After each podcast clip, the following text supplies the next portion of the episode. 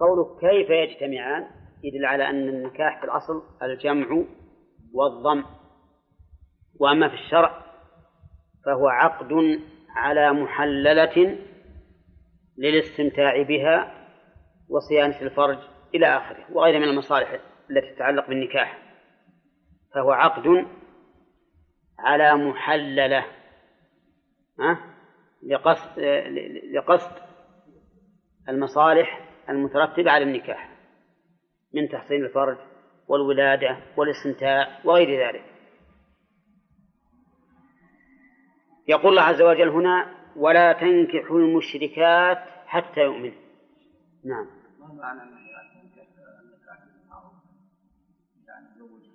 ها؟ لا لا يجمع بينهم. المشركات جمع مشركة. والمشركة أو المشرك هو من جعل الله تعالى شريكا فيما يختص به سواء كان ذلك في الربوبية أو في الألوهية أو في الأسماء والصفات. فمن اتخذ مع الله إلها يعبده فهو مشرك. ولو آمن بأن الله خالق السماوات والأرض ومن اعتقد أن مع الله خالقا للكون أو منفردا بشيء من الكون أو معينا لله تعالى في الخلق في خلق شيء من الكون فهو مشرك. ثلاثة أشياء حيدر ما هي؟ خلق الكون فإنه مشرك. نعم. حتى الكتابيات. وإن أخذنا بمعهودها المعروف فإنه لا يشمل اليهود والنصارى. لأن إن الذين كفروا من أهل الكتاب والمشركين فعطف المشركين على الكتاب فدل على أنهم غيرهم. وهذا الخلاف ينبني عليه هل هذه الآية باقية على عمومها أو مخصصة بآية المائدة؟ يأتي إن شاء الله تعالى ذكر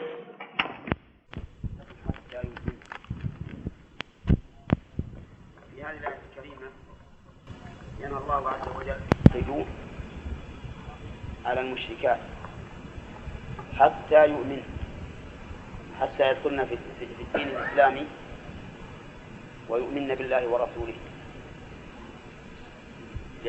المشركات لا يحل للمؤمن أن يتزوج بهن كما قال الله تعالى في سورة الممتحن فلا ترجعوهن إلى الكفار لا هن حل لهم ولا هم يحلون لهم. قولوا لا تنكحوا المشركات. يشمل من أشركن بالله في عبادته أو أشركنا به في ربوبيته. فمن اعتقدت أن مع الله خالقا فإنه لا يجوز نكاحه من المؤمن. عبدت مع الله غيره فإنه لا يجوز للمؤمن نكاحها.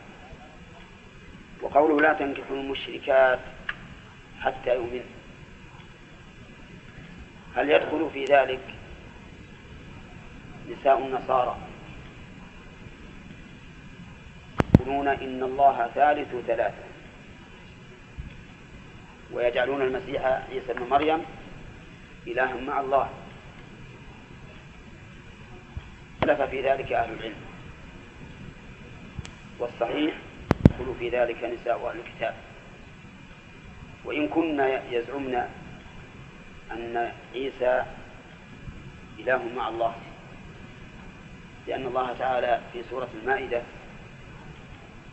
قال اليوم أحل لكم الطيبات وطعام الذين أوتوا الكتاب حل لكم وطعامكم حل لهم. والمحصنات من المؤمنات والمحصنات من الذين أوتوا الكتاب من قبلكم إذا آتيتموهن أجورهن. وسورة المائدة من آخر ما نزل. ولهذا قال بعض العلماء إنه ليس فيها نسخ كل ما فيها فهو محكم.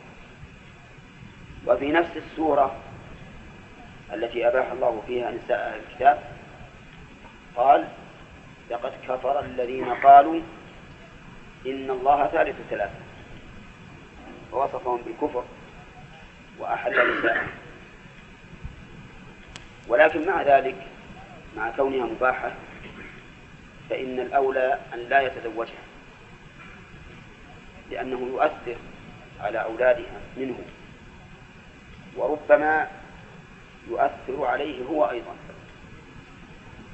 إذا أعجب بها مثلا وبجمالها وسلبت عقله فربما تفضي إلى أن يكفر كما حدثني بذلك بعض الناس أن أحد إلى بلد كافرة أعجب بفتاة فخطبها إلى نفسه فقالت له لا يمكن حتى تحضر الكنيسة معي وتقول إن الله ثالث وتقول إن الله ثالث ثلاث فحاول أن يمتنع ولكنه والعياذ بالله قد ملك عقله جمالها وشغف بها. وأخيرا ذهب معها إلى الكنيسة وشهد أن الله ثالث ثلاثة نسأل الله العافية. ولكن هذا الرجل الذي فعل هكذا أبشركم أنه تاب. تاب إلى الله وندم مما صنع. يستفهم ماذا يكون عليه في هذه الحال التي أغرته فيها هذه المرأة. على ذلك أن نقول إذا تاب تاب الله عليه. إذا تاب تاب الله عليه. الله تعالى قل يا عبادي الذين أسرفوا على أنفسهم لا تقنطوا من رحمة الله إن الله يغفر الذنوب جميعا. قوله حتى يؤمن قد يقول قائل لماذا لم يقل حتى يوحدنا؟ لأن ضد الشيء. بل قال حتى يؤمن. نقول لأن الإيمان أعم. إذ أنه يشمل الإيمان بكل ما يجب الإيمان به من توحيد الله والإيمان بملائكته وكتبه ورسله والآخر والقدر خيره وشره. فلو أنها انتهت عن الشرك لكنها لم تؤمن بكل ما يجب الإيمان به فإنها لا لا لا, تحل. في العدول عن التعبير بالمقابل إلى التعبير كمل هو عز وجل ولا تنكحوا المشركات حتى يؤمن. بين الله سبحانه وتعالى العلة في ذلك والحكمة. فقال ولا أمة مؤمنة خير من مشركة ولو أعجبته صدق الله. الأمة المؤمنة خير من المشرك حتى لو أعجبت الإنسان في جمالها أو أعجبت الإنسان في مالها أو أعجبت الإنسان في علمها أو أعجبت الإنسان في خفتها وما, وما إلى ذلك؟ فإن الأمة المؤمنة من المشركة قال ولا أمة لا تظنوا أنه يعني بذلك الأمة المملوكة. إن شاء الله تعالى في سورة النساء أنه لا يجوز نكاح الإماء إلا إلا بشروط. لكن المراد بالأمة هنا أمة الله أي العابدة لله عز وجل. والإنسان الذكر يقال عبد الله والأنثى يقال أمة الله. كما قال النبي عليه الصلاة والسلام لا تمنعوا إماء الله مساجد الله. قال صلى الله عليه وسلم في حديث ابن مسعود. ها؟ ابن أمتك ذكر الأم والأب. الأم الأب قال عبدك. والأم قال أمتك. وبهذا نعرف أن ما ورد به الحديث في سيد الاستغراق وهو اللهم ربي وأنا عبدك اللهم أنت ربي لا إله إلا أنت خلقتني وأنا عبدك. أن وأما من كان أنثى فإنه يقول ذلك شيخ الإسلام ابن تيمية رحمه الله. وقال بعض العلماء إنك تقول إنها تقول في حديث سيد الفرق تقول وأنا عبدك. على تأويل أنها شخص. شخص مذكر ولا مؤنث؟ مذكر. ولكن ما ذهب إليه شيخ الإسلام أبلغ في التذلل والعبودية. فإن المرأة إذا قالت وأنا عبدك كأنما تشعر أنها رجل. لكن إذا قالت وأنا أمتك صار ذلك أبلغ في ذلها. أنا ولا أمة هنا وش معنى الأمة؟ امرأة. خير من مشركة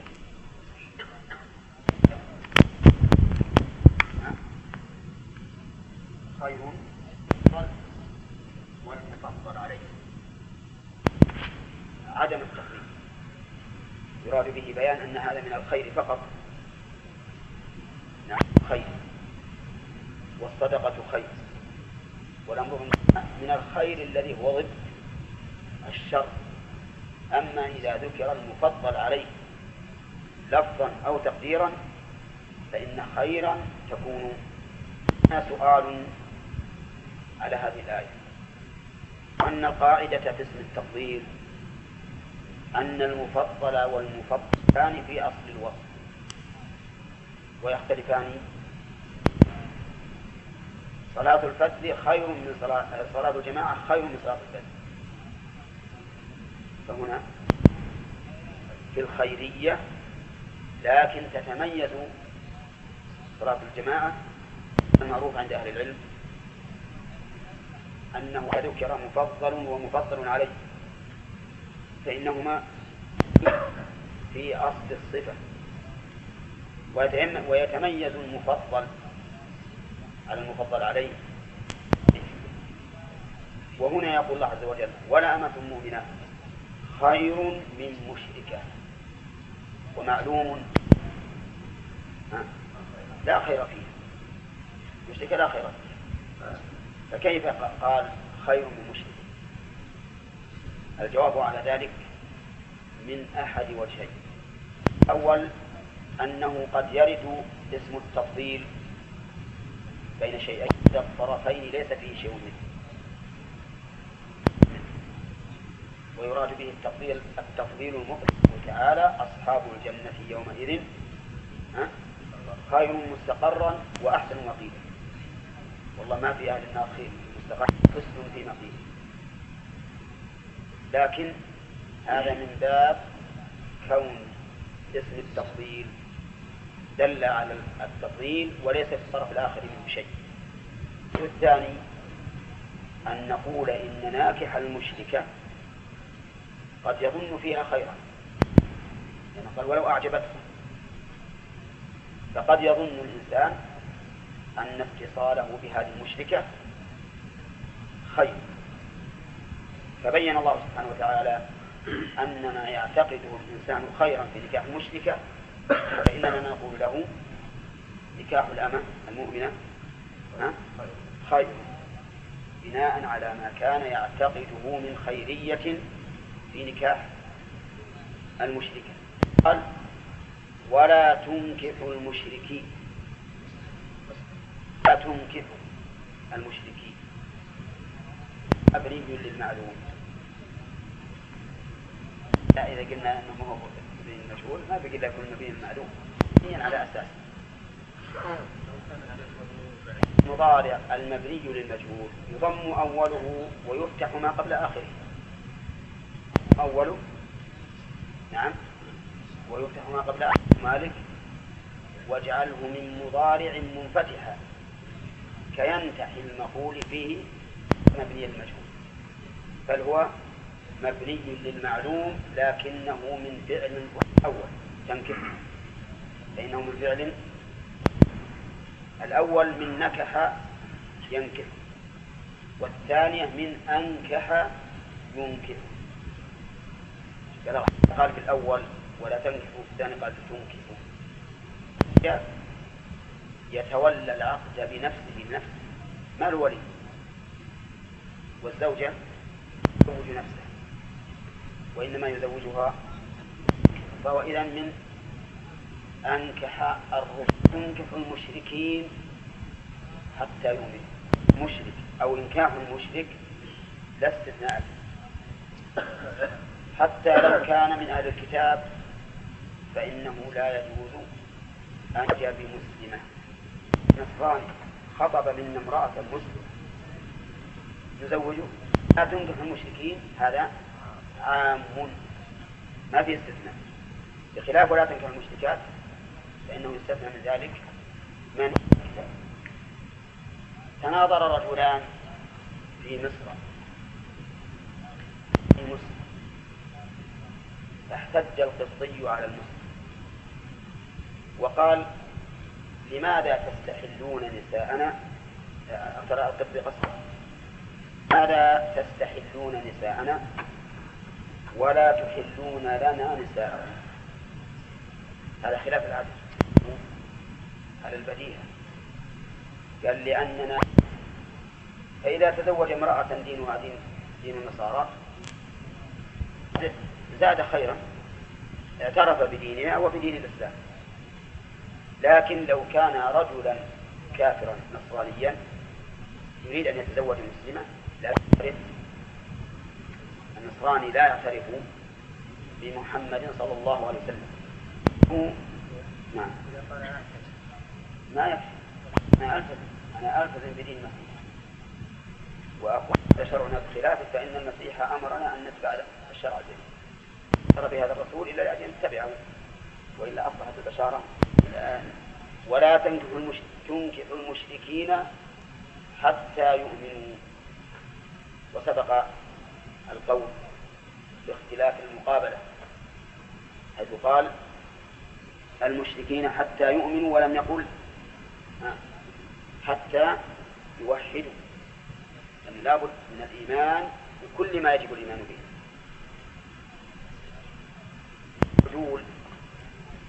عن ذكر المقابل إلى ذكر ما لا يقابل ما لا يقابله.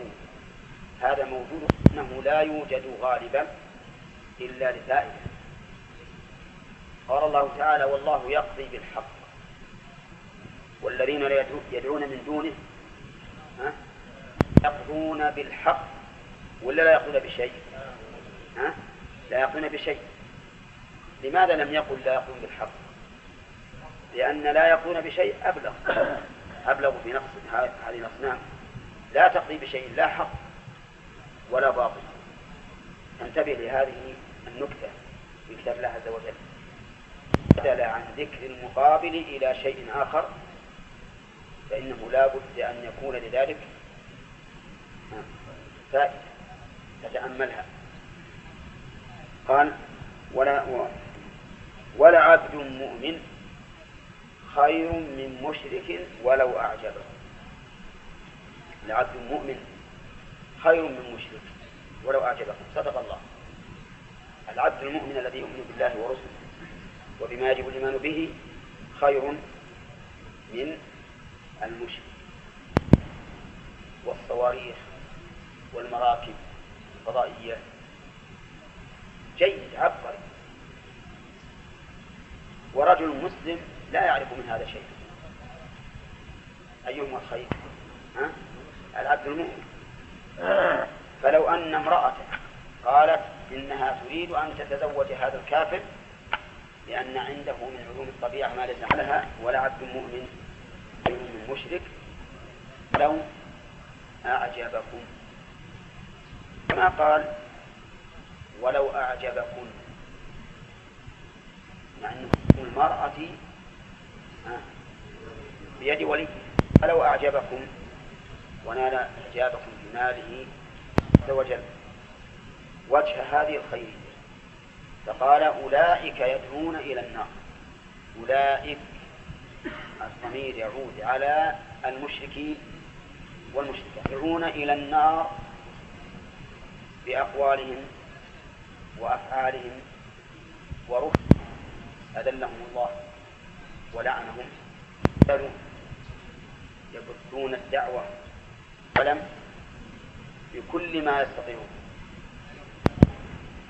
والعمل بالمال والقول والعمل حتى إن نسمع أنهم يبنون المدارس ويبنون حتى يشفى ويعالجون المريض حتى يشفى يزالون يدعون إلى يومنا هذا. وأن إلى دين النصارى. لكن الحمد لله ليس لها قبول. ليس لها قبول الكلام الذي يقولونه في إذاعتهم. يمثلونها على عنوان بعض المؤسسات. خبرة وبحثا عن أحوال المسلمين. ما يدري إلا وقد جاءه شريط أي نعم شريط والحمد لله أنهم يبغون بالفشل كل ما يدعون إليه مهما دعوا إنما يدعون للنار ولا من أسباب دخول الجنة. ها؟ أحسنوا أن الله يحب المحسنين. أن هذه الأعمال الخيرية لا تنفعهم. لا تنفعهم شيئا. رب نفعها أن تكون من مسلم. تعالى الكفار وقدمنا إلى ما عملوا من عمل فجعلناهم هباء منثورا. إذا هل في ذلك خير؟ ولا لا؟ دعوة إلى النار. دعوة إلى النار. ولهذا قال الله تعالى فسينفقونها ثم تكون على شباب المسلمين. أن ينتبهوا لهذه النقطة. وهي نشاط النصر أنهم إنما ينفقونها حرب الرحمن وأعداؤه. فعلينا أن ولهذا قال أولئك يدعون إلى النار. والله يدعو إلى الجنة والمغفرة بإذنه. فعليكم أن المسألة ليست فيها تقابل. فقال أولئك يدعون إلى النار والمؤمنون يدعون الجنة والمغفرة.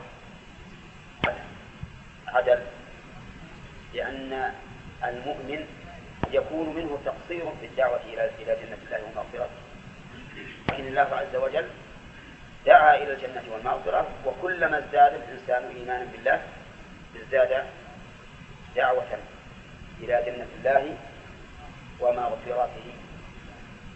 وهنا يقول ادعو إلى الجنة والمغفرة. الجنة جزاء الأعمال الصالحة والمغفرة جزاء الأعمال السيئة إذا استغفر الإنسان منها. وذلك لأن الإنسان في عمله دائر بين أمرين إما عمل صالح محض هذا يكون سببا لدخوله غير صالح لكنه يتاب منه. فهذه دعوة إلى المغفرة. وقوله عز وجل بإذنه يدعو إلى الجنة والمغفرة. بإذنه. إلى إذن شرعي. وإذن كوني. تعلق بالمخلوقات والتقديرات فهو إذن كوني. وما تعلق بالتشريعات فهو إذن شرعي. قوله تعالى من ذا الذي يشفع عنده إلا بإذنه. ما تقولون في الإذن؟ هل هو شرعي ولا كوني؟ يعني يعلم الله فيشفع. أم لهم شركاء شرعوا لهم من الدين؟ ما لم يعلم به الله. هذا شرع. قل آه الله أذن لكم. أم على الله تفترون هذا ولا شرط؟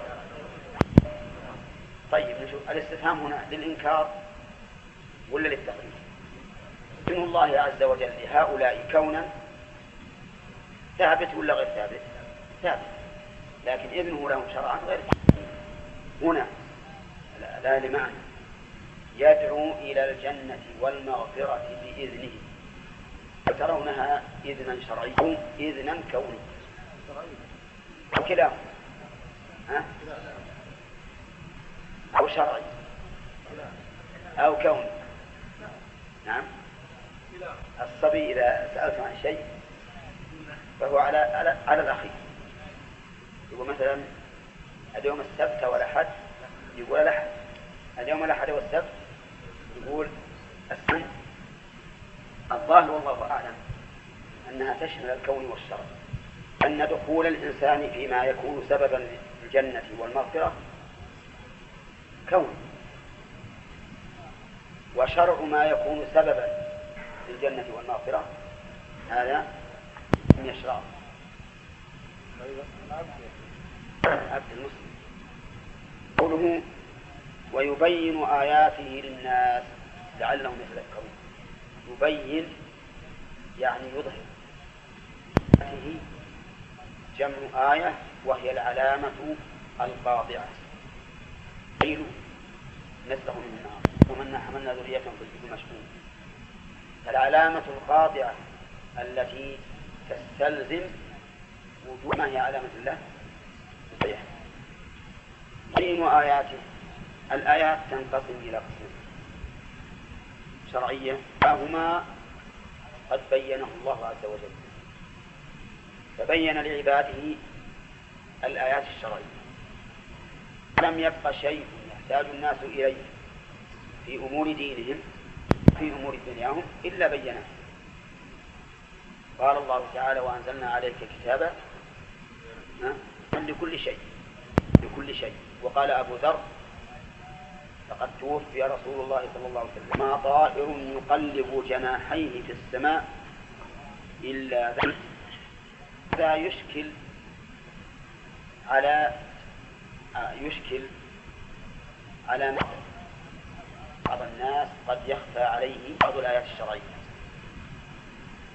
لا يتبين له فيها وجه الشرع. يناقض الآية. عندما تبين الحكم الشرعي لشخص من الأشخاص فيعني أن الحكم الشرعي في حد ذاته كان أنه قد يخفى على الإنسان. إما لقلة علمه أو قصور فهمه أو تقصيره في طلب الحق. هذه أسباب ثلاث توجب الخفاء. إما لقلة علمه. كثير من الناس لكنه ناقص الفهم في أشياء كثيرة. وإما تجده ما يهتم. ترد عليه مثلا مشكلة ويقول هذه أتوقف فيها ولا ولا أبحث. لكن الحق في حد ذاته قد بينه الله تعالى بيانا كاملا. وطرق البيان في الآيات الشرعية عمومي اللفظ وشموله. وإما بدخولها في عموم إذا اتفقا في العلة فقد شملهما المعنى. كانوا إذن لا, لا, لا نقص فيه. وانظر إلى قول الله عز وجل آيات المواريث. قال يبين الله لكم أن تضلوا. طيب الآيات الكونية هي ما يتعلق بالمخلوقات وهي آية من آيات الله عز وجل. آية على أي شيء؟ على العلم ولا على القدرة هذا على كل هذا. مثلا اختلاف الليل والنهار. من آيات الله. لا إيش؟ على القدرة والعلم والرحمة والسلطان. نعم؟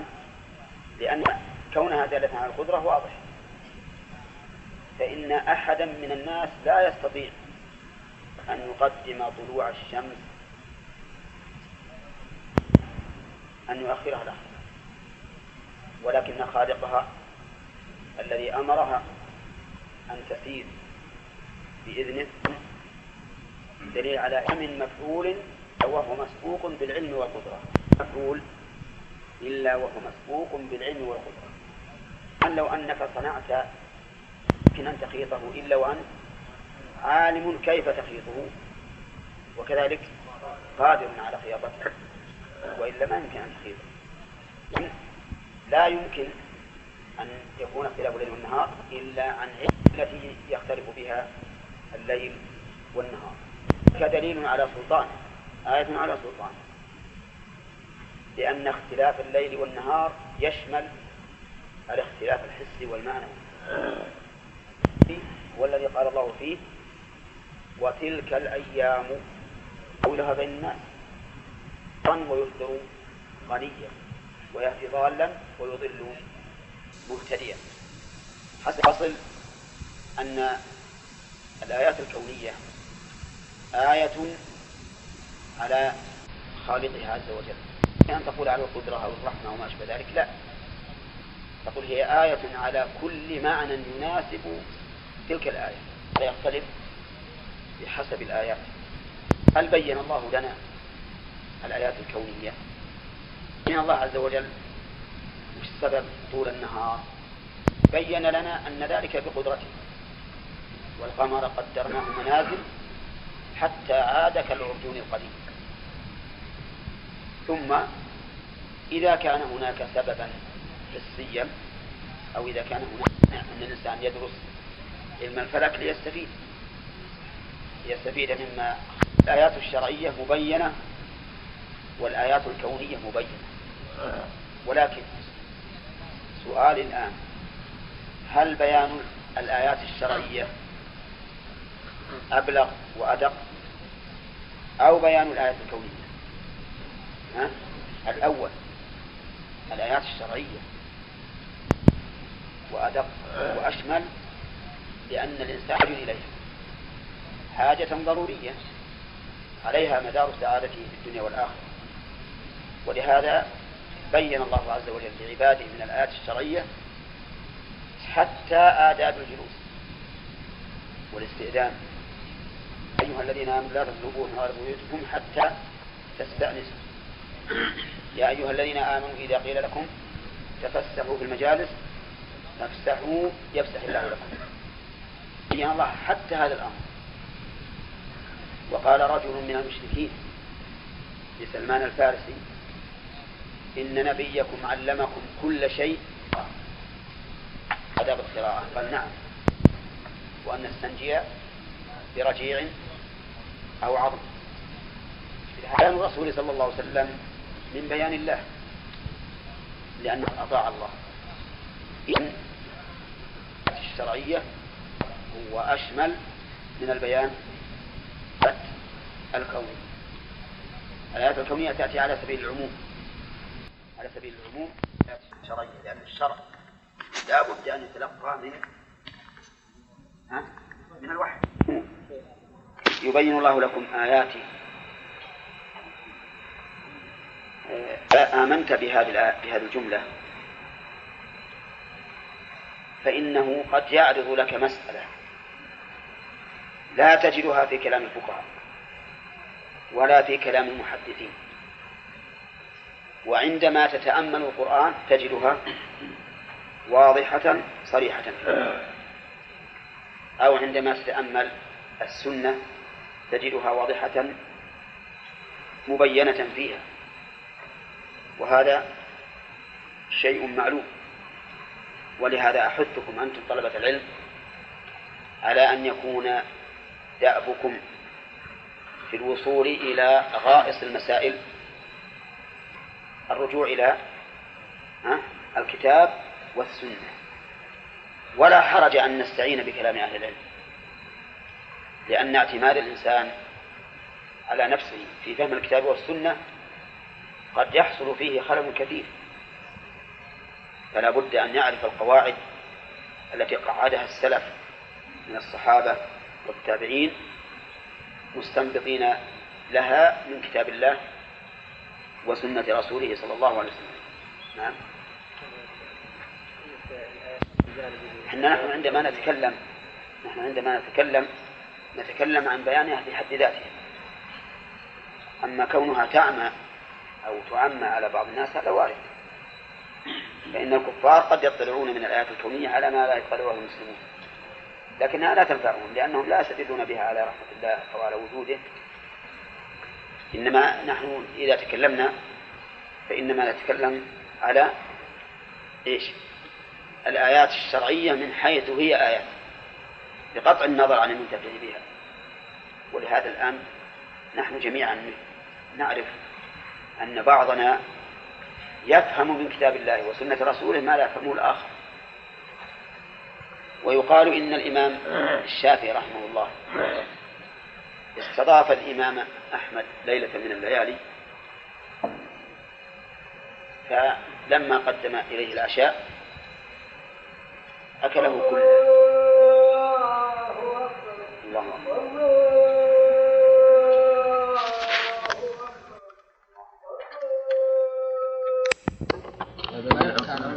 عمر أراد أن يمنع منه سياسة ولكنه ما ما ما ما معنى ما معنى لم يمنع منه حكما شرعيا. واجتهاد منه لكنه غير موفق فيه. غير موفق فيه.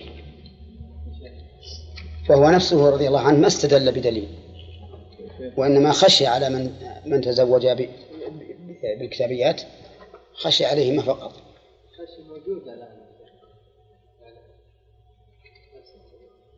هذه لولي الأمر. إذا رأى من أن السياسة تمنع من التزوج فله المنع. مثل ما يوجد عندنا الآن آه، في الحكومة السعودية وفقها الله تمنع من التزوج بالأجانب إلا بشروط ترضاها وتوافق عليها. فإذا رأى ولي الأمر أن يمنع الناس من التزوج بالأجانب حتى لو ولو كنا مسلمات لأمر يتعلق بمصالح البلد فله أن يفعل ذلك لأن ولي الأمر إذا قلنا إنك ما تفعل إلا شيء ما تأمر إلا بمأمور به ولا تنهى إلا عن منه عنه بقي سلطته عديمة التأثير فلا بد أن يكون لولي الأمر شيء شيء من النظر يمنع فيه ما يرى ما يرى أن الحق في منعه أو يبيه ما يرى أن الحق في إباحته إذا لم يتعارض مع النص هنا. نعم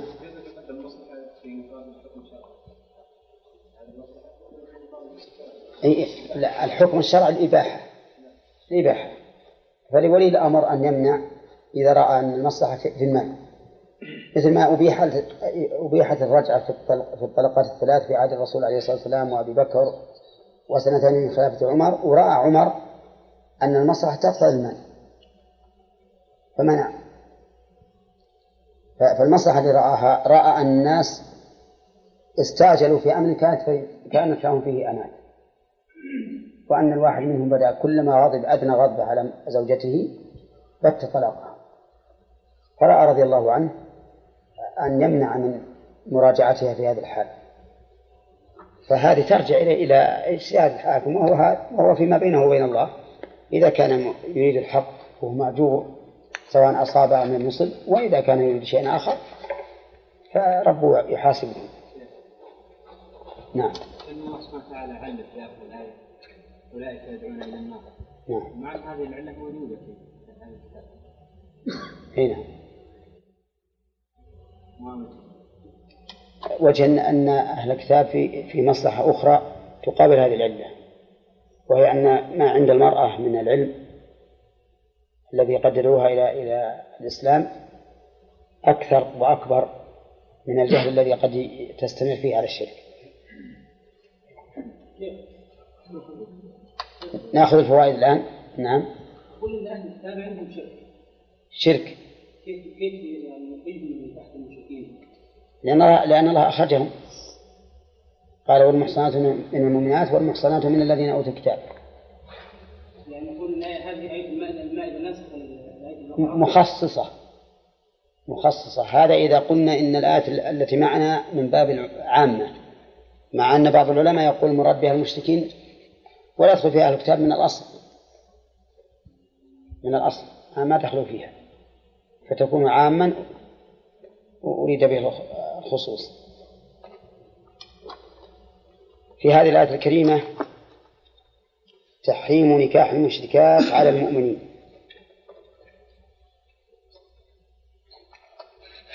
من أين أخذها؟ ولا تنكح المشركات حتى يؤمن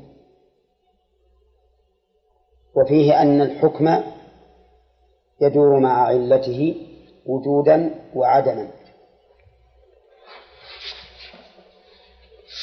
منين؟ لقوله حتى يؤمن. دل ذلك على أنه متى زال الشرك حل النكاح ومتى انتفى انتفى النكاح. ومن فوائد الآية الكريمة أن الزوج ولي نفسه. من أين تؤخذ؟ ولا تنكح المشركين. المشركات نعم. فوجه الخطاب للزوج. ومن فوائد الآية الكريمة أن المؤمن خير من المشرك ولو كان في المشرك من الأوصاف ما يعجب. لقوله تعالى ولعبد مؤمن خير من مشرك ولو أعجبكم. ومثله قوله تعالى قل لا يستوي الخبيث والطيب ولو أعجبك كثرة الخبيث. فلا تغتر بالكثرة ولا تغتر بالمهارة ولا بالجودة ولا بالفصاحة ولا بغير ذلك. ارجع إلى الأوصاف الشرعية التي علقت بها الصفات المحمودة. ومن فوائد الآية الكريمة تفاضل الناس في أحوالهم وأنهم ليسوا على حد سواء لقوله والعبد مؤمن خير من مشرك وفيه رد واضح على الذين قالوا أو على الذين أطلقوا أن دين الإسلام دين مساواة.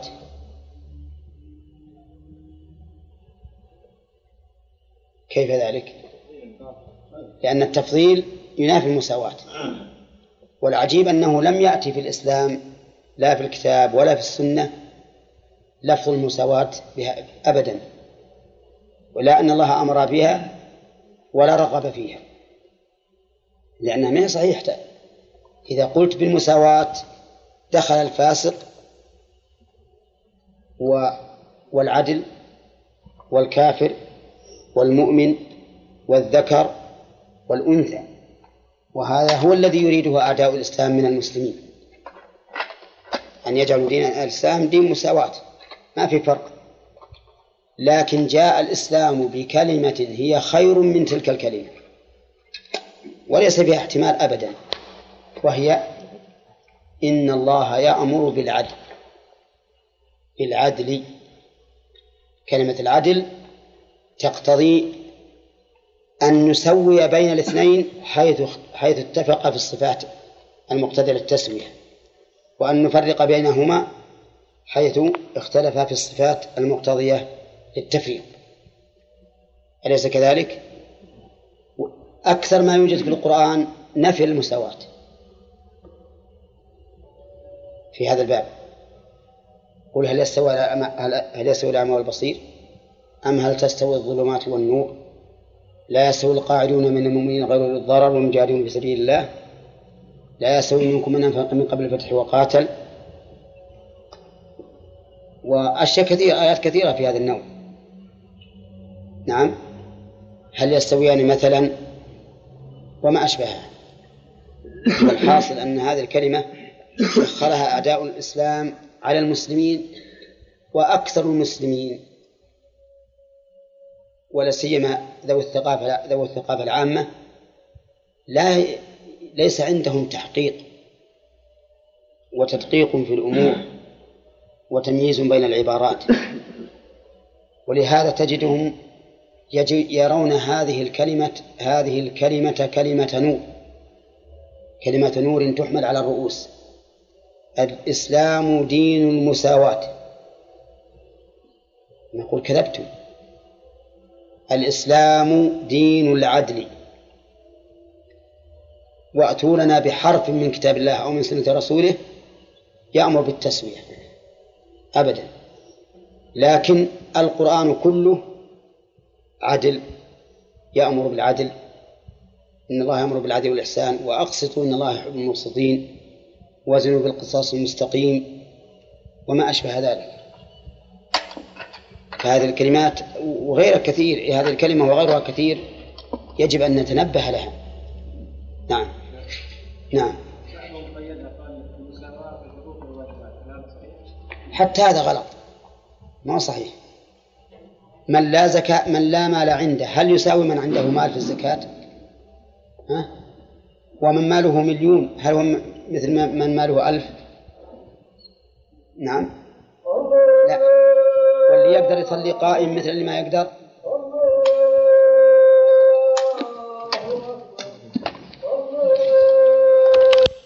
عن المحيط هذه الجملة معطوفة على الجمل السابقة التي وقعت فيها الأسئلة من أصحاب النبي صلى الله عليه وسلم هذا قال الله تعالى فذبحوها وما كادوا يفعلون.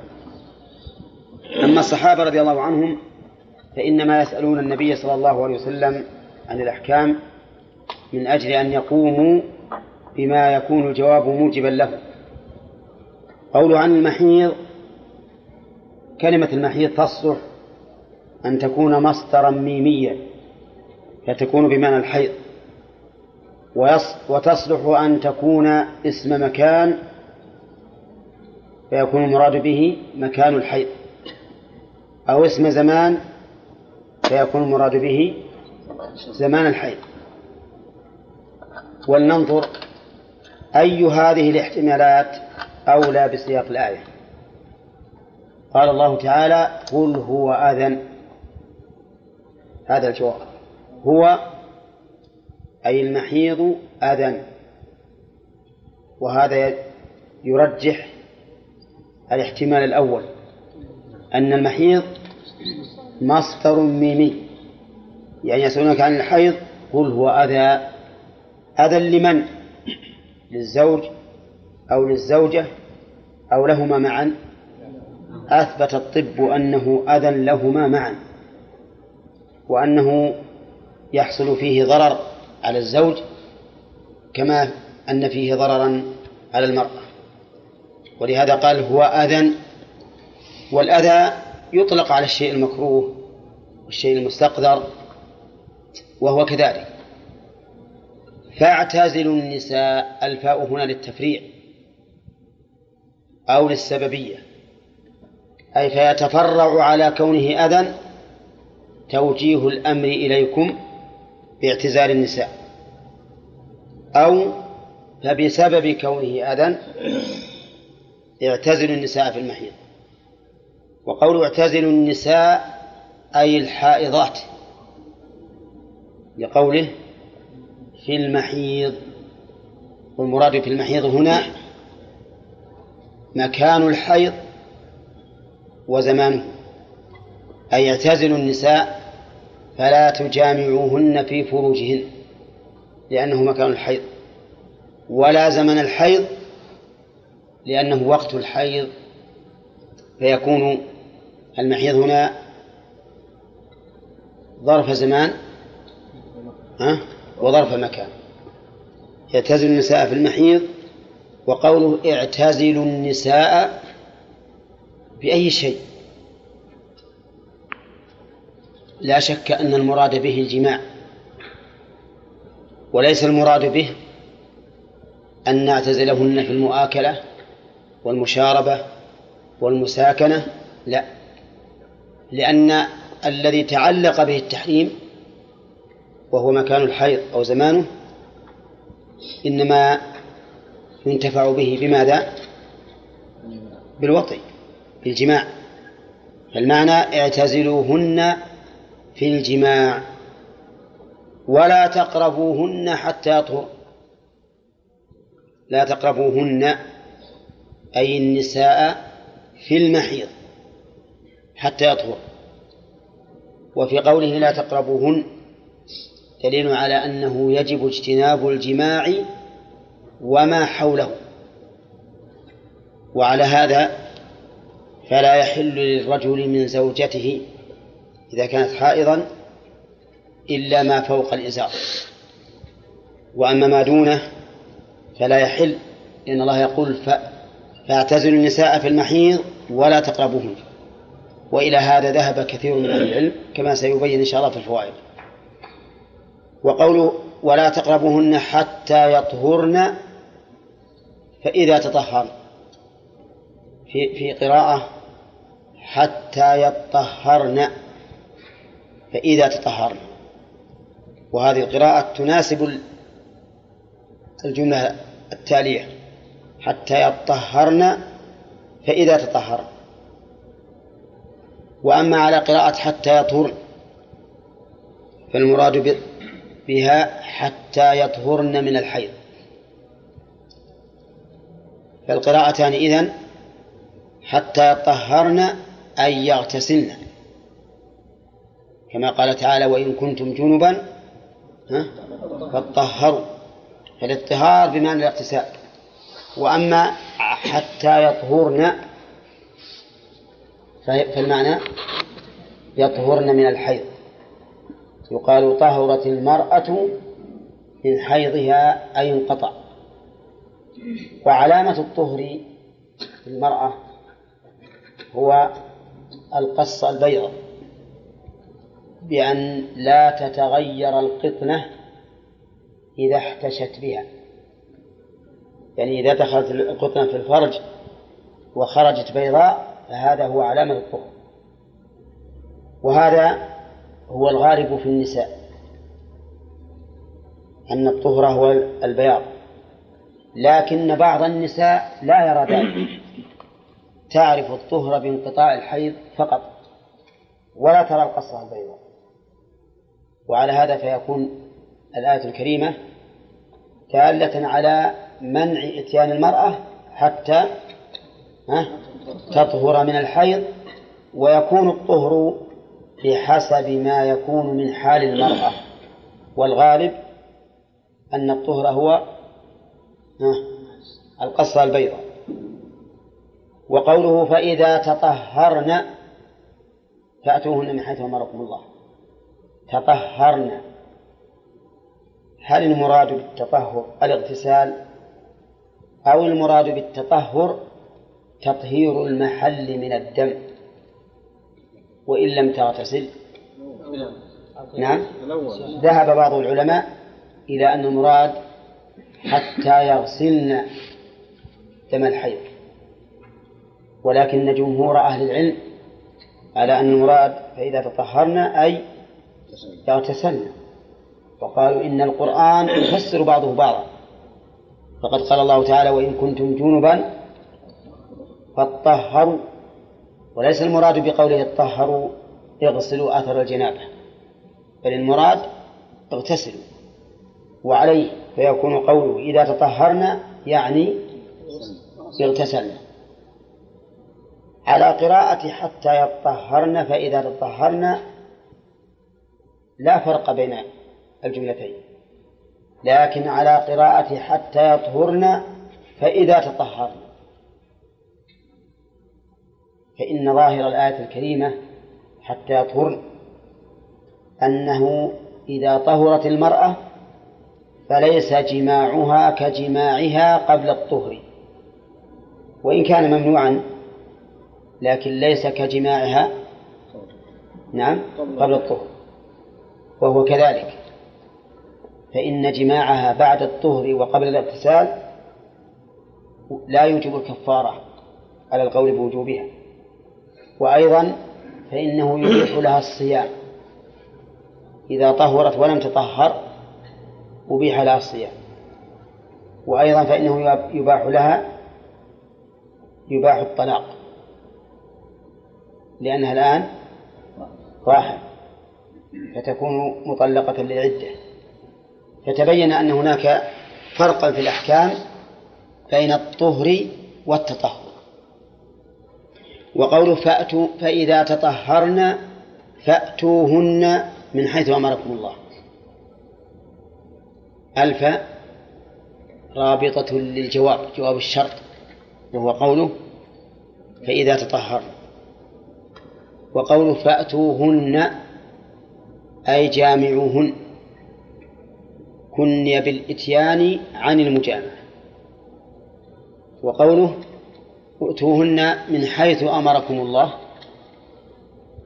قيل إن من بمعنى في أي فأتوهن في المكان الذي أمركم الله بإتيانه وهو الفرج. وقيل من للابتداء فهي على بابها. أي فأتوهن من هذه الطريق. من هذه الطريق من حيث أمركم الله. وما الذي أمرنا الله به؟ فأتوهن من حيث أمركم الله. أمرنا الله أن نطأهن في الفروج. لقوله في الآية التي بعدها نساؤكم حرث لكم فأتوا حرثكم أن شئتم والحرث هو موضع الزرع. وموضع الزرع هو القبل. فيكون معنى قوله توهن من حيث أمركم الله أي من قبلهن وليس من الدبر.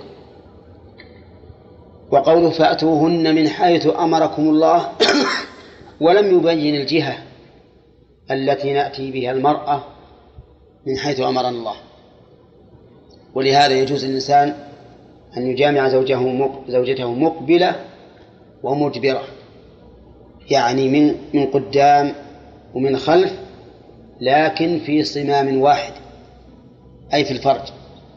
يأتون من حيث أمركم الله. وقد ذهب ابن حزم رحمه الله إلى أنه يجب على المرء كلما طهرت زوجته أن يجامعها. لقوله فإذا تطهرن فأتوهن. والأصل في الأمر الوجوب. نعم؟ أي نعم. ولكن الجمهور خالفوه كما سيأتي إن شاء الله تعالى في بيان ذلك في الفوائد. ثم قال عز وجل إن الله يحب التوابين ويحب المتطهرين. هذا تعليل لما سبق من الأوامر وهي اعتزال النساء في المحيض وإتيانهن من حيث أمر الله. إن الله يحب التوابين ويحب المتطهرين. يحب التوابين أن يثيبهم على توبتهم. نعم لا. كيف اللي يقولها الآن معلمكم. ها؟ معلمكم يقول يحب أن يثيب التوابين على توبتهم أول المعلم. نعم. أول المعلم أنا كيف؟ المعلم أول أقول. أولا؟ أول أي يعني معناه يجب أن نرد على معلمنا إذا أخطأ. نعم. إذا يحب التوابين المحبة صفة غير الثواب. الثواب من آثار المحبة ولوازمها والمحبة صفة في ذات الله عز وجل وهي محبة حقيقية لائقة بجلال الله وعظمته غير مشبهة لمحبة المخلوق للمخلوق. هذا هو الذي عليه سلف الأمة وأئمتها. وقد مر البحث في هذا كثيرا. وبينا أن من أهل العلم بل من من المسلمين من حرف هذا المعنى وقال إن معنى يحب أي يثيب. ولكن هذا ليس بصحيح. وقوله التوابين التواب على وزن فعال. وزن فعال تأتي للمبالغة أي للكثرة. وتأتي للنسبة ولو لم يكن إلا مرة. فما المراد به هنا؟ التوابين الكثير التوبة أو التوابين المنتسبين للتوبة ولو مرة واحدة. الظاهر أنه يشمل يشمل هذا وهذا. ولا ينبغي أن نحملها على النسبة فقط. لأننا لو حملناها على النسبة فقط لكان من عصى ثم تاب وعصى ثم تاب وعصى ثم تاب غير محبوب عند الله. والله عز وجل يقول يحب التوابين حتى الذي يكثر من الذنب ويعقبه بتوبة فإن الله سبحانه وتعالى يحبه. ولهذا ليس من شرط التوبة ألا يعود إلى الذنب. هذا ليس من شرطه. شرط التوبة أن يعزم على أن لا يعود. فإن عاد وسولت له نفسه العودة يا خالد فإنه يتوب الله عليه إذا تاب. يتوب الله عليه إذا تاب.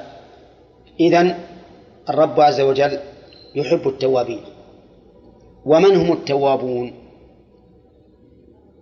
التوابون كثير التوبة والتوبة هي الرجوع من معصية الله إلى طاعته. وقد سبق لنا أن شروطها خمسة يعدها لنا فهد. الإقلاع عن الذنب والندم على ما فات. وأن لا يعود إلى الذنب وأن لا يعود أو وأن يعزم أن لا يعود. وأن يعزم أن لا يعود إلى الذنب نعم. ثلاثة ثلاثة؟ نعم وإن كان في حقوق يرد الحقوق لا. لا هذه داخلة في الإقلاع.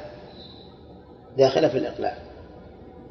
يكون قبل الموت وقبل طلوع الشمس المغربية.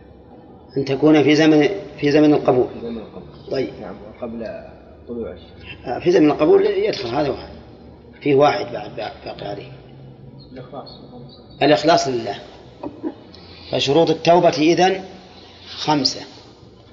الإخلاص لله والندم على الذنب والإقلاع عنه والعزم على ألا يعود وأن تكون التوبة في وقت القبول أو في زمن القبول.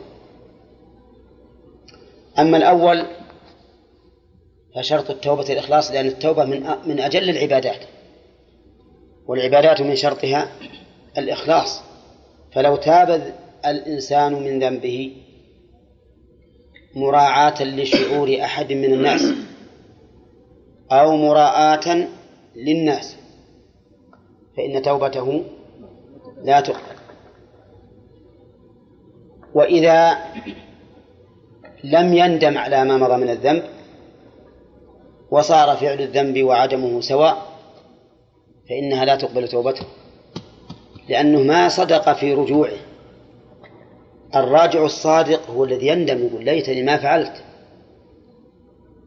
وإذا لم يقلع فليس بصادق بل هو إلى الاستهزاء أقرب منه إلى التوبة. رجل يقول اللهم إني أستغفرك وأتوب إليك من الغيبة. يا فلان ما شف فلان هذا السيء الخلق. ها؟ تاب ولا لا؟ ما تاب. واحد يقول اللهم إني أتوب إليك من أكل الربا. تعال يا ولد خذ مئة بمئة وعشرين. تائب؟ لا هذا ما تاب. نعم.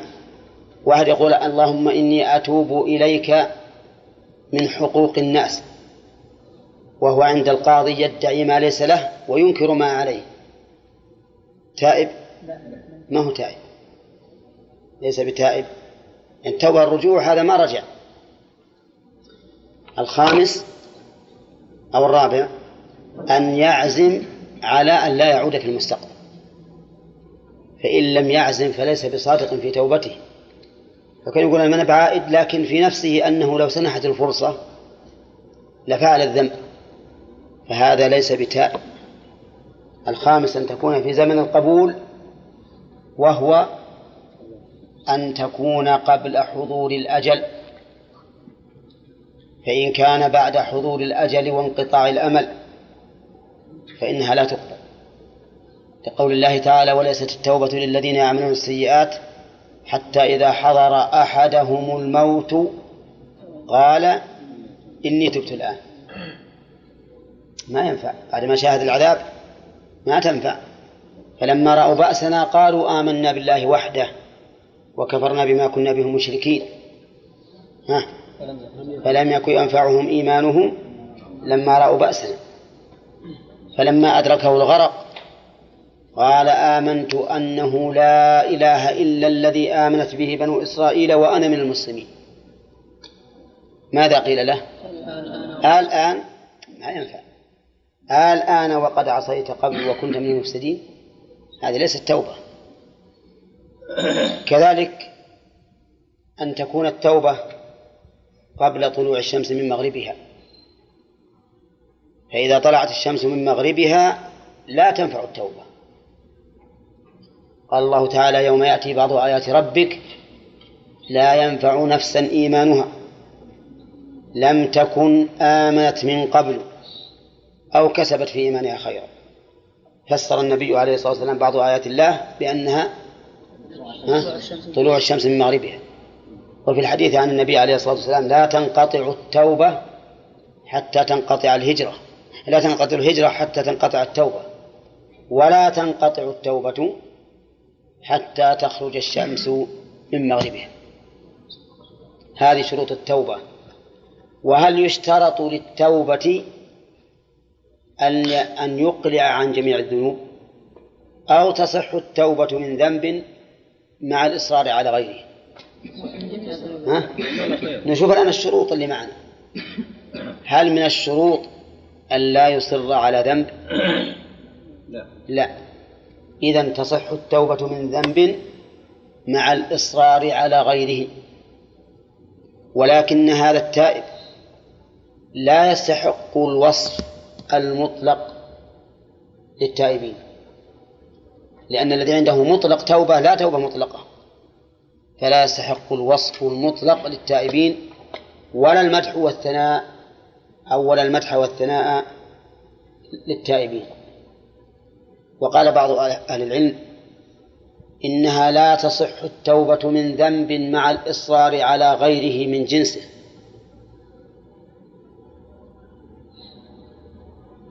أفهمتم؟ فمثلا لو تاب من النظر المحرم لكنه يتكلم الكلام المحرم مع النساء تقبل توبته ها؟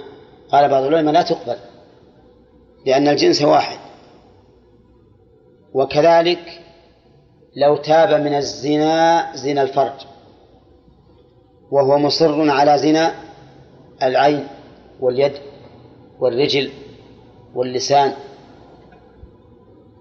فإنها لا تقبل لأن الجنس واحد ولكن الجمهور على أن ذلك ليس بشرط وأنها تصح التوبة من ذنب مع الإصرار على غيره ولو من جنسه. وقوله تعالى ويحب المتطهرين. التوبة تطهير القلب. والمتطهرين تطهير الأبدان. يحب الذين يتطهرون من الأنجاس والأرجاس. ومن ذلك المتجنبون لوطء الحائض. المتجنبون لوطء الحائض لأنهم إيش؟ متطهرون في الواقع. فالله تبارك وتعالى يحب التوابين ويحب المتطهرين. ثم قال تعالى نساؤكم حرث لكم.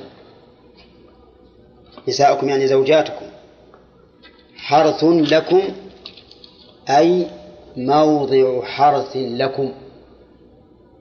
كما تكون الأرض حرثا للزارع. يبث فيها الحب. فيخرج الحب وينمو. وينتفع به. كذلك النساء بالنسبة للرجال حرث يضع فيها الإنسان هذا الماء الدافق فينزرع في الرحم حتى ينمو ويخرج بشرا سويا. فالنساء حرث للرجال ولهذا قال نساؤكم حرث لكم. فأتوا حرثكم ألف هذه للسببية أو للتفريع فأتوا حرثكم أن شئتم. والمراد بالحرث هنا إيش؟ موضع الحرث وهو الفرج. ائتوه أن شئتم أن بمعنى حيث فهي ظرف مكان بمعنى ائتوا هذا الحرث من أي جهة شئتم. من جهة القبل يعني الأمام من جهة الخلف من جهة الجنب من أي جهة. بل المهم أن يكون الإتيان في الحرث. وقد زعمت اليهود أن الرجل إذا أتى المرأة من دبرها في قبلها صار الولد أحول وكذبوا في ذلك. وقد أنزل الله تكذيبهم في هذه الآية. نساؤكم حرث لكم فأتوا حرثكم أن شئتم. وسيأتي إن شاء الله الفوائد على هذه الجمل فوائد كثيرة. قال وقدموا لأنفسكم قدموا لأنفسكم. وش نقدم؟ نقدم الطاعات وما ينفعنا عند الله عز وجل. وإنما قال قدموا لأنفسكم بعد قوله نساؤكم حرث لكم حتى لا ننشغل بهؤلاء النساء عن تقديم ما ينفعنا يوم القيامة. وقدموا لأنفسكم. ومن التقديم للنفس أن يبتغي الإنسان بالجماع تحصين فرجه وتحصين فرج امرأته وطلب الولد الصالح والتسمية عند الجماع وما أشبه ذلك مما يقارن الجماع من الأعمال الصالحة بالنية. مثلا الإنسان قد يجامع زوجته لكن من الناس من يريد مجرد قضاء الوطر فقط. هذا لا شك أنه مفيد كما قال النبي عليه الصلاة والسلام وفي بضع أحدكم صدقة.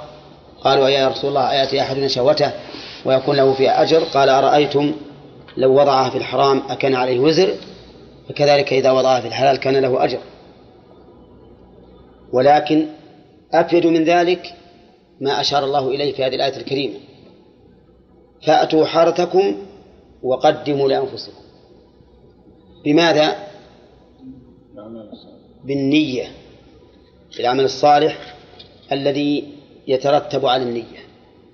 فينوي الإنسان مثلا بجماعه هذا قضاء الوطر والتمتع بما أباح الله له والاستغناء به عما حرم الله. ثانيا ينوي بذلك تحصين فرجه وفرج امرأته. لأنه لا شك أن هذا فيه تحصين الفرج. ولهذا قال النبي عليه الصلاة والسلام إذا رأى أحدكم من امرأة ما يعجبه فليأتي أهله. فإنما معها يعني مع أهله مثل الذي معها إذن فالجماع محصن للفرج وإلا لكان النفس تتعلق بهذا الذي رأته ثم تحصل الفتنة.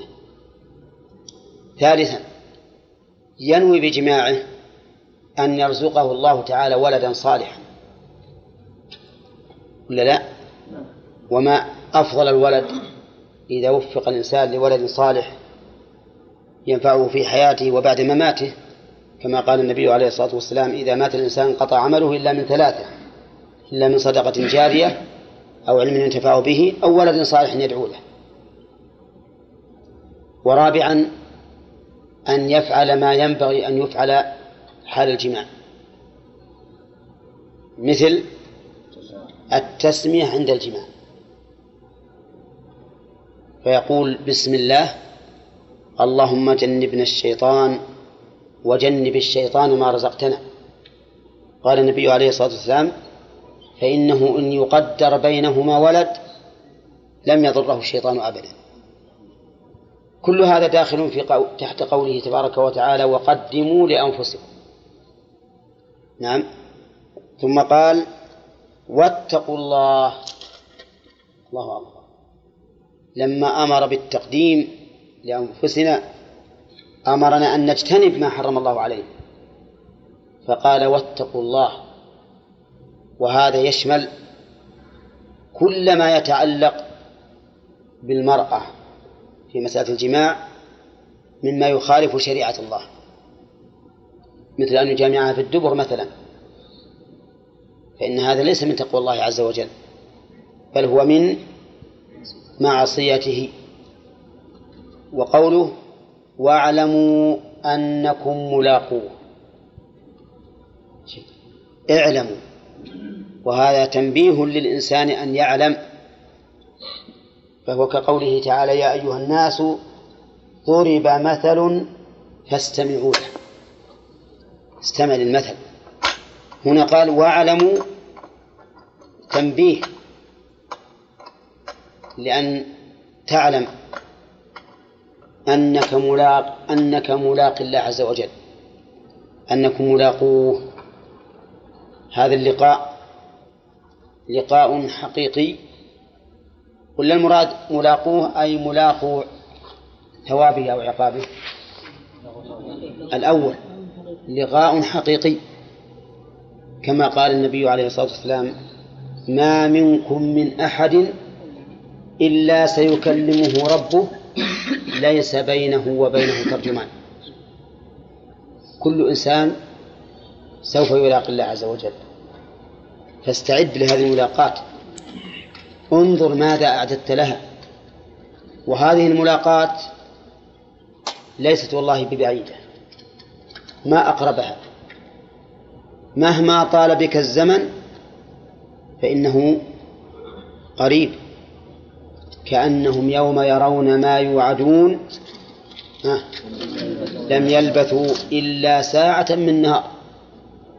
كأنهم يوم يرونها لم يلبثوا إلا عشية أو ضحاها. فما أسرع هذه الملاقات؟ التي ستكون بينك وبين ربك يكلمك عز وجل مكالمة منه إليك ليس بينك وبينه ترجمان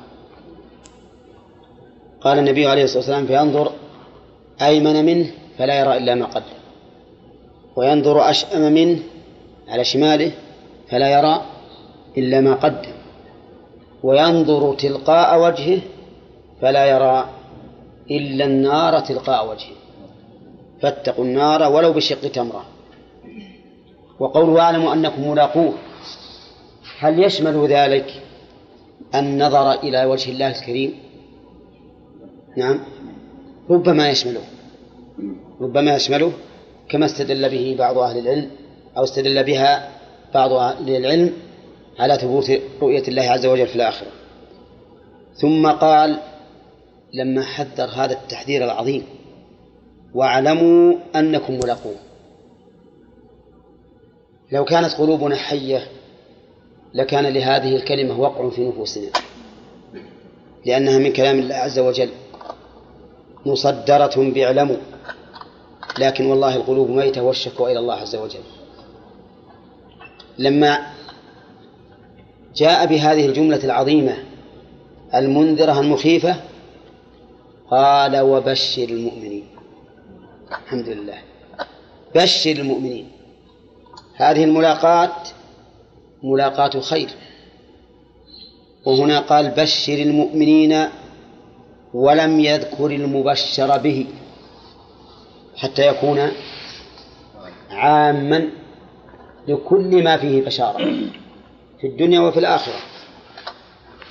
ألا إن أولياء الله لا خوف عليهم ولا هم يحزنون؟ الذين آمنوا وكانوا يتقون. لهم البشرى في الحياة الدنيا وفي الآخرة. ولهذا قال هنا وبشر المؤمنين. ولم يذكر وقت البشارة. ولا مكانها. ولا نوعها. إذن فهي بشارة عامة شاملة. حتى إن الرسول عليه الصلاة والسلام قال تلك عاجل بشرى المؤمن. الرؤيا الصالحة يراها أو ترى له. فأنت بشر كل مؤمن بكل خير. حتى في ملاقاة الله عز وجل. بشره. لأن الله سبحانه وتعالى إذا قرر المؤمن بذنوبه ماذا يقول له؟ يقول قد سترتها عليك في الدنيا وأنا أغفرها لك اليوم. حساب يسير آخره هذه البشارة العظيمة.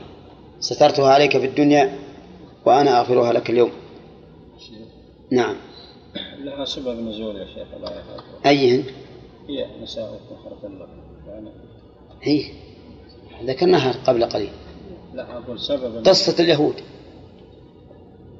الذين قالوا إذا أتى الإنسان امرأته من قبل من دبرها في قبلها صار ولد أحكم قالوا ما يعني إن فقالوا ائتوا حرثكم أن شئتم. في بعض قالوا- المفسرين قالوا إن المهاجرين كانوا يفعلون كذا لي- يعني داخلة في هذا أقول داخلة في هذا داخلة في هذا. يقول ولا تجعلوا الله عرضة لأيمانكم أن تبروا وتتقوا وتصلحوا بين الناس والله سميع عليم. اختلف العلماء في قوله تعالى ولا تجعلوا الله عرضة لأيمانكم. فقال بعضهم المعنى لا تكثر الحديث. إذا كنتم تريدون البر والتقوى والإصلاح لا تكثروا الحلف بالله. فلا تجعلوا الله تعالى معروضا في أيمانكم دائما. ولا شك أن هذا منهي عنه وأنه لا ينبغي للإنسان أن يكثر الحلف بالله بل يجب أن يكون في قلبه من تعظيم الله عز وجل ما يمنعه أن يجعله عرضة في كل شيء. يعترض أو يعرض الله عز وجل في كل شيء. وقال بعض المفسرين لا تجعلوا الله مانعا لأيمانكم من البر والتقوى والإصلاح بين الناس. لا تجعلوا الله عرضة لأيمانكم. أن تبروا يعني عرضة مانعة لكم من البر والتقوى والإصلاح. وهذا المعنى أقرب من الأول وإن كان الأول معنى محتملا لكن هذا أقرب ويؤيده قول النبي صلى الله عليه وسلم إني والله إن شاء الله لا أحلف على يمين فأرى غيرها خيرا منها إلا تحللت من يميني وآتيت الذي هو خير. وقال لعبد الرحمن بن سمرة إذا حلفت على يمين فرأيتها غي فرأيت غيرها خيرا منها. فكفر عن يمينك وأت الذي هو خير. وعلى هذا يكون معنى الآية لا تجعل لا تجعلوا الأيمان مانعا لكم من البر. ويكون قوله أن تبروا يكون مؤولا بمصدر منصوب بنزع الخافض أي عرضة عن بركم. وقول أن تبروا هذا إذا حلف على ترك واجب. إذا حلف على ترك واجب. نقول لا تجعل اليمين مانعا لك من فعل الواجب. ماذا يصنع؟ يكفر عن يمينه ويفعل الواجب. مثل أن قال والله لا أكلم فلانا. وفلان مؤمن يحرم هجره نقول الآن حلفت. وشو عليه؟ على إيش؟ على ترك واجب. فيجب عليك أن تكفر عن يمينك وأن تكلمه. قال والله لا أصلي مع الجماعة. يصلي مع الجماعة يا ولد. صل مع الجماعة. قال والله عناد لكم. والله ما أصلي مع الجماعة. هذا يمكن يقع من بعض السفهاء ها؟ طيب ماذا نقول له؟ صل مع الجماعة. قال والله أنا حلفت عاد. مضى مني يمين. ماذا نقول له؟ لا تجعل الله عرضة لأيمانك عن البر. قم بالوا- بالواجب وكفر كفر عن يمينك. نعم. طيب وقوله وتتقوا هذا فيما إذا حلف على فعل محرم. مو على ترك واجب على فعل محرم. قال والله لأجحدن مال فلان الذي علي.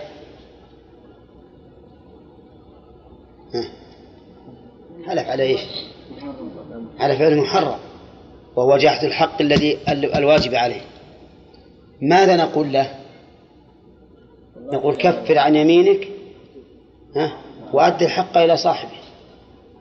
والله حلف جرى مني يمين إني ما أكلم إني لا أجحده نقول هذا يمين لا يعيقك عن التقوى.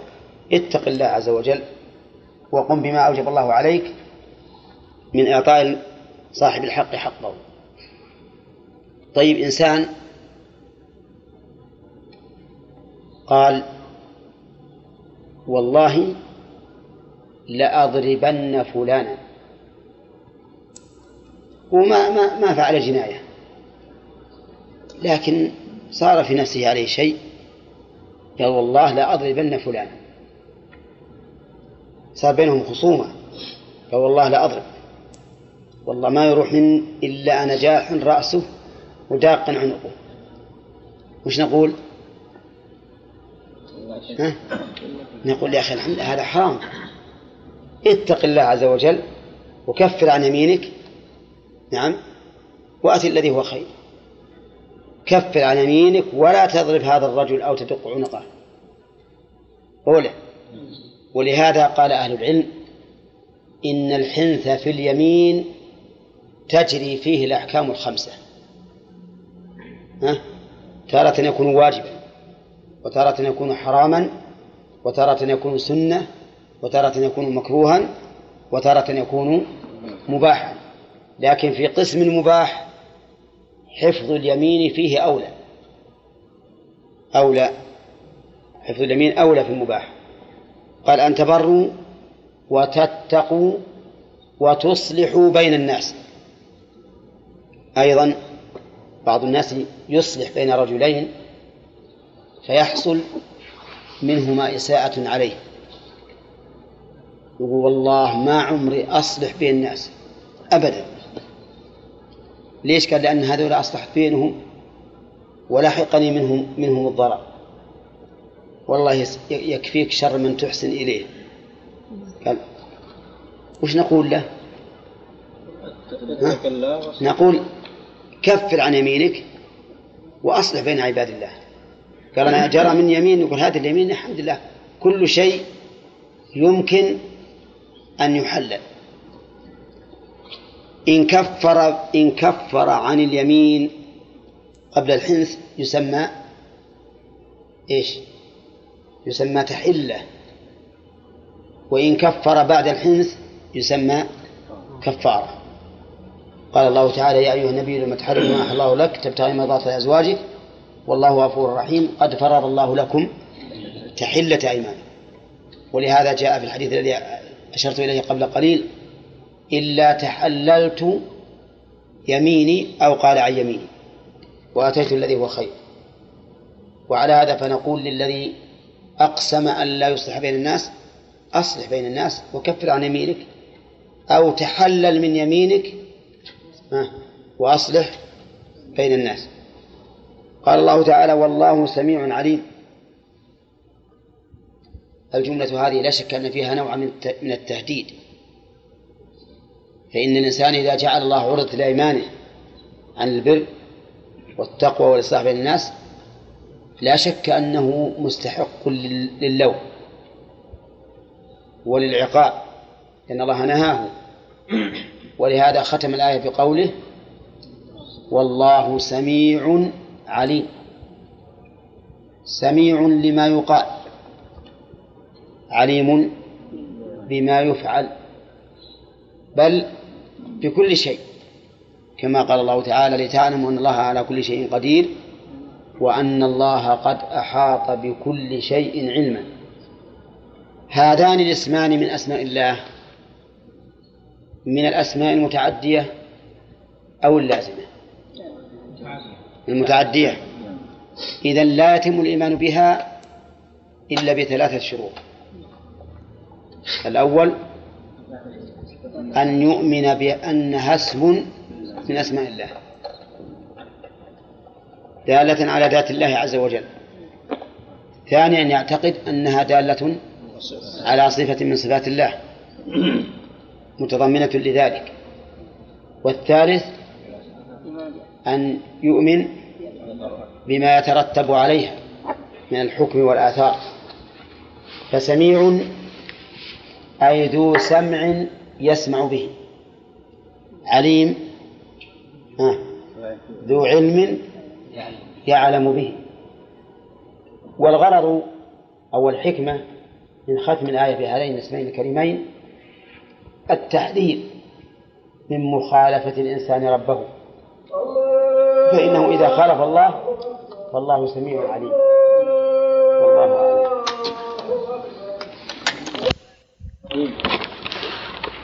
الحمد لله رب العالمين والصلاة والسلام على نبينا محمد وعلى آله وأصحابه أجمعين.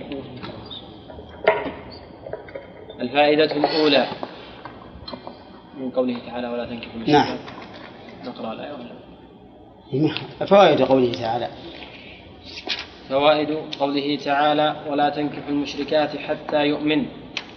الآية الفائدة الأولى أن لفظ الإيمان أخص من لفظ التوحيد لقوله حتى يؤمن ولقوله حتى يؤمنوا ولم يقل ولا تنكحوا المشركات حتى يوحدن ولم يقل ولا تنكحوا المشركين حتى يوحدوا.